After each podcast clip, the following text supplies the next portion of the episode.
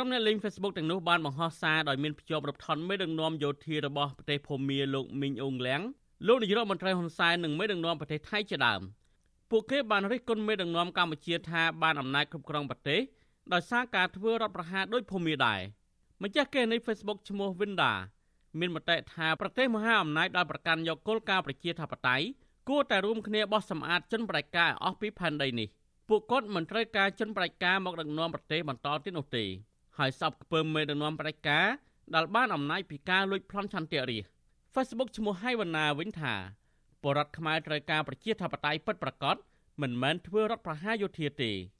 រីឯម្ចាស់កេរនី Facebook ឈ្មោះលីរតនរស្មីបញ្ចេញទស្សនៈថាយុវជនប្រទេសភូមានាំគ្នាក្រោកតស៊ូប្រឆាំងនឹងរបបផ្ដាច់ការយុវជនខ្មែរក៏គួរតែយកគំរូតាមគេ គឺពុំមែនបានត្រឹមតែរិះគន់អ្នកនេះអ្នកនោះដោយគ្មានប្រយោជន៍នោះទេ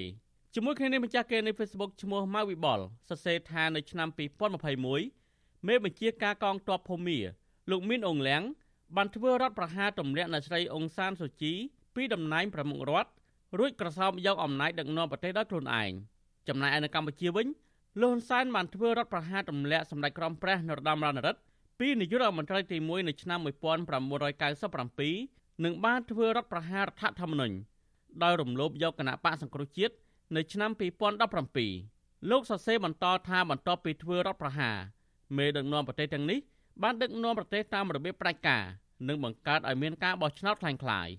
ដោយគ្នាដែរម្ចាស់គណនី Facebook ដែលមានដាក់ឈ្មោះថាដំណាក់ចុងអើប្រៀបប្រដូចអ្នកធ្វើរដ្ឋប្រហារដណ្ដើមយកអំណាចពីគេថាជាក្រុមមនុស្សដែលដាក់ទម្ងន់បន្ថែមលើអមរែកពួកគេរស់នៅបានសុខឋានន្តរស័ក្តិអាចចិញ្ចឹមប្រពន្ធកូនបាន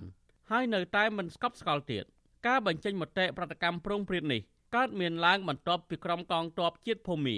ឬមីយ៉ាន់ម៉ាបានធ្វើរដ្ឋប្រហារយោធាក្រសោបយកអំណាចកាលពីថ្ងៃទី1ខែកុម្ភៈដែលចោទមេដឹកនាំគណៈបកដល់ឈ្នះឆ្នោតនោះថាបានមកពីការលួចបន្លំស្លឹកឆ្នោតទើបធ្វើឲ្យគណៈបករបស់ពួកគេចាញ់ឆ្នោតពួកយោធាបានចាប់ឃុំខ្លួនក្រុមមេដឹកនាំរដ្ឋាភិបាលស៊ីវិលរួមមានអ្នកស្រីអ៊ុងសានសូជីនិងមេដឹកនាំរដ្ឋាភិបាលស៊ីវិលមួយចំនួនទៀតនឹងបានប្រកាសដាក់ប្រទេសនៅក្នុងភាពអាសន្នពេញមួយឆ្នាំភ្លាមៗតើតើនឹងបញ្ហានេះ ក្រមប្រទេសលោកសេរីបានចេញសេចក្តីថ្លែងការណ៍ថ្កោលទោសជាបន្តបន្ទាប់ហើយទាមទារឲ្យមេដឹកនាំយោធាប្រកល់អំណាចឲ្យរដ្ឋាភិបាលស៊ីវិលវិញពាក់ព័ន្ធនឹងករណីនេះនៅទន្ទឹមនឹងមេដឹកនាំពិភពលោកកំពុងតែផ្ដោតអារម្មណ៍យកចិត្តទុកដាក់លើការធ្វើរដ្ឋប្រហារនៅភូមានេះរីឯលោកនាយករដ្ឋមន្ត្រីហ៊ុនសែន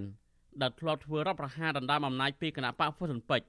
និងបន្តគ្រប់គ្រងអំណាចតាមរយៈការបង្ក្រាបបកប្រឆាំងនោះបានប្រកាសកាលពីថ្ងៃទី1កុម្ភៈថា លោកមិនចាប់អារម្មណ៍ទៅនឹងការធ្វើរដ្ឋប្រហារនៅប្រទេសភូមានេះទៅវិញនៅរងគូនចាប់ប្រើហើយប្រធានាធិបតីនិងទីប្រឹក្សារដ្ឋត្រូវទាហានចាប់ខ្លួនហើយតែកម្ពុជាមិនធ្វើអត្ថាធិប្បាយទៅលើកិច្ចការផ្ទៃក្នុងរបស់ប្រទេសណាទាំងអស់នៅក្នុងក្របខ័ណ្ឌអាស៊ានក្តីឬប្រទេសដទៃក្តីអំបញ្ញមិញគឺអាដាមបកសកលថាអ៊ីនធឺណិតចាប់ផ្ដើមផ្ដាច់បដៅបដៅបថយអ៊ីនធឺណិតបដៅបដៅហើយអំពីសភាពការថ្មីថ្មីនៅឯម៉ៃយ៉ាម៉ាតែនោះគឺជាកិច្ចការរបស់ មិត្តភ័ក្តិនៅក្នុងក្របខ័ណ្ឌអាស៊ានយើងគ្រាន់តែផ្សាយព័ត៌មានក៏ប៉ុន្តែមិនត្រូវធ្វើអត្ថាធិប្បាយការលើកឡើងរបស់លោកហ៊ុនសែននេះត្រូវបានអ្នកលេង Facebook ឈ្មោះករណីពៅរិះគន់ថាមូលហេតុដែលមេដឹកនាំខ្មែរមិនធ្វើអត្ថាធិប្បាយរឿងចាប់ខ្លួនមេដឹកនាំជាប់ឆ្នោតភូមាគឺអ្នកស្រីអ៊ុងសានសូជីកាលពីថ្ងៃទី1កុម្ភៈនោះពីព្រោះកន្លងមកលោកហ៊ុនសែនក៏ធ្លាប់ប្លន់អំណាចពីគេមកគ្រប់គ្រងដែរដូច្នេះបើសិនជាលោកបកស្រាយរឿងនេះប្រៀបដូចជាការស៊ីលៀសរអៀខ្លួន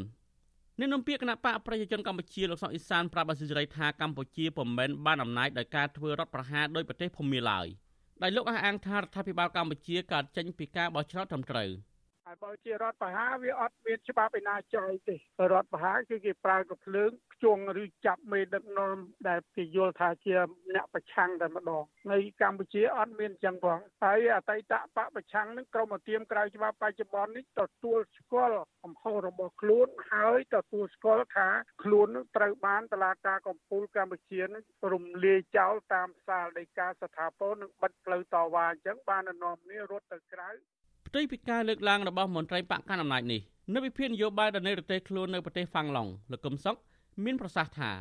លោកហ៊ុនសែននិងមេដឹកនាំយោធារបស់ប្រទេសភូមាបានអំណាចតាមរយៈការធ្វើរដ្ឋប្រហារដូចគ្នាលោកបញ្ជាក់ថាមេដឹកនាំទាំងពីរនេះខុសគ្នាត្រង់ថាភូមាប្រើអាវុធដើម្បីដណ្ដើមយកអំណាចចំណែកឯនៅកម្ពុជាវិញលោកហ៊ុនសែនធ្វើរដ្ឋប្រហារដោយអចិន្ត្រៃយ៍ដែលលោកបានប្រើអំពើទុច្ចរិតធ្វើយ៉ាងណាឲ្យបានអំណាចគ្រប់គ្រងដឹកនាំប្រទេសរហូតមក សារអ្នករិះគន់គឺជាការឆ្លុះបញ្ចាំងអំពីទស្សនវិជ្ជាសង្គម ដែលគាត់បានតាមដានយ៉ាងដិតដល់នៃរបៀបដឹកនាំរបស់លោកហ៊ុនសែននិងរបៀបដឹកនាំនៃពួកយោធាភូមិដែលមានរបៀបទៅកាន់អំណាចដោយវិធីប្រើកម្លាំងបាយដូចគ្នាគ្រាន់តែខុសកលៈទេសៈគ្នាពេលខ្លះនិងខុសយុទ្ធវិធីគ្នាពេលខ្លះក៏ប៉ុន្តែក្នុងរូបភាពនៃអង្គើរដ្ឋប្រហារដូចតែគ្នាទេមិនមែនជាការទៅកាន់អំណាចដោយបោះឆ្នោតត្រឹមត្រូវ កាលពីឆ្នាំ1593គណៈបកហ្វុនស៊ិនពេចរបស់សម្ដេចក្រមព្រះនរោត្តមរណរដ្ឋបានទទួលសម្លេងឆ្នោតច្រើនជាងគេនៅក្នុងការបោះឆ្នោតក៏ប៉ុន្តែលោកហ៊ុនសែនបានតវ៉ាមិនទទួលស្គាល់លទ្ធផលការបោះឆ្នោតតំណាងរាស្ត្រដែលរៀបចំឡើងដោយអង្គការសហប្រជាជាតិហៅកាត់ថាអន្តៈការឡំប៉ារបស់លោកហ៊ុនសែននៅពេលនោះមិនខុសពីអ្វីដែលយោធាភូមិកំពុងតែធ្វើនេះទេដល់កាលនោះលោកហ៊ុនសែនថែមទាំងបានប្រកាសបែងចែកទឹកដីទៀតផងរហូតដល់មានការសម្របសម្រួលនយោបាយពីសម្ដេចព្រះនរោត្តមសីហនុ លោកហ៊ុនសែនបានឈប់តវ៉ាវិញបន្ទាប់ពីលោកត្រូវបានតែងតាំងជានាយករដ្ឋមន្ត្រីទី2ហើយសម្ដេចក្រមព្រះនរោត្តមរណរដ្ឋធ្វើជានាយករដ្ឋមន្ត្រីទី1ក៏ប៉ុន្តែរដ្ឋាភិបាលចម្រុះនេះក៏មិនមានអាយុកាលយូរអង្វែងដែរលុះដល់ឆ្នាំ1997លោកហ៊ុនសែនបានរៀបចំផែនការធ្វើរដ្ឋប្រហារបង្ហូរឈាមដើម្បីទម្លាក់សហរដ្ឋមន្ត្រីទី1សម្ដេចក្រមព្រះនរោត្តមរណរដ្ឋចេញពីអំណាចដើម្បីសម្រេចផែនការកាន់អំណាចបានទៅមុខទៀត នៅពេលដែលលោកហ៊ុនសែនបានដឹងយ៉ាងច្បាស់ថាគណៈបករបស់លោកនឹងមិនអាចយកឈ្នះការបោះឆ្នោតឆ្នាំ2018នោះលោកហ៊ុនសែនបានរំលាយគណៈបកសង្គ្រោះជាតិនៅឆ្នាំ2017ដែលជាគណៈបកប្រឆាំងដ៏ធំជាងគេនៅកម្ពុជាហើយបានរៀបចំការបោះឆ្នោតឆ្នាំ2018ទោះជាទទួលរងការរិះគន់ពីសហគមន៍ជាតិអន្តរជាតិថាជាការបោះឆ្នោតបង្ក្រប់កិច្ចឬជាការបោះឆ្នោតខ្លាំងខ្លាយក៏ដោយចំពោះរដ្ឋប្រហារនៅភូមិមាប្រធានស្ដីទីគណៈបកសង្គ្រោះជាតិលោកសំរងស៊ីក៏បង្ហោះសារនៅលើ Facebook ដែរថា នៅប្រទេសខ្លះមានរដ្ឋប្រហារយូរយូរម្ដង តែនៅស្រុកខ្មែរលោកហ៊ុនសែនបានធ្វើរដ្ឋប្រហាររាល់ថ្ងៃដើម្បីបំបត្តិសិទ្ធិសេរីភាពប្រជាពលរដ្ឋដែលមានចែងនៅក្នុងរដ្ឋធម្មនុញ្ញនិងដើម្បីរក្សាអំណាចផ្ដាច់ការរបស់លោកតទៅទៀតអ្នកតាមដានស្ថានភាពនយោបាយបានចាត់ទុករឿងនេះថាលោកហ៊ុនសែនបានអំណាចមកគ្រប់គ្រងដល់សប្តាហ៍ថ្ងៃនេះដោយសារតែអំពើទុច្ចរិតទាំងសហគមន៍ជាតិអន្តរជាតិបច្ចុប្បន្ននេះកំពុងតែអំពាវនាវឲ្យលោកហ៊ុនសែនឲ្យងាកមកស្ដារប្រជាធិបតេយ្យនៅកម្ពុជាឡើងវិញឲ្យបានឆាប់ ដើម្បីបញ្ជៀសនៅទណ្ឌកម្មអន្តរជាតិខ្ញុំទីនសាការីយ៉ាសេរីប្រធានីវ៉ាស៊ីនតោន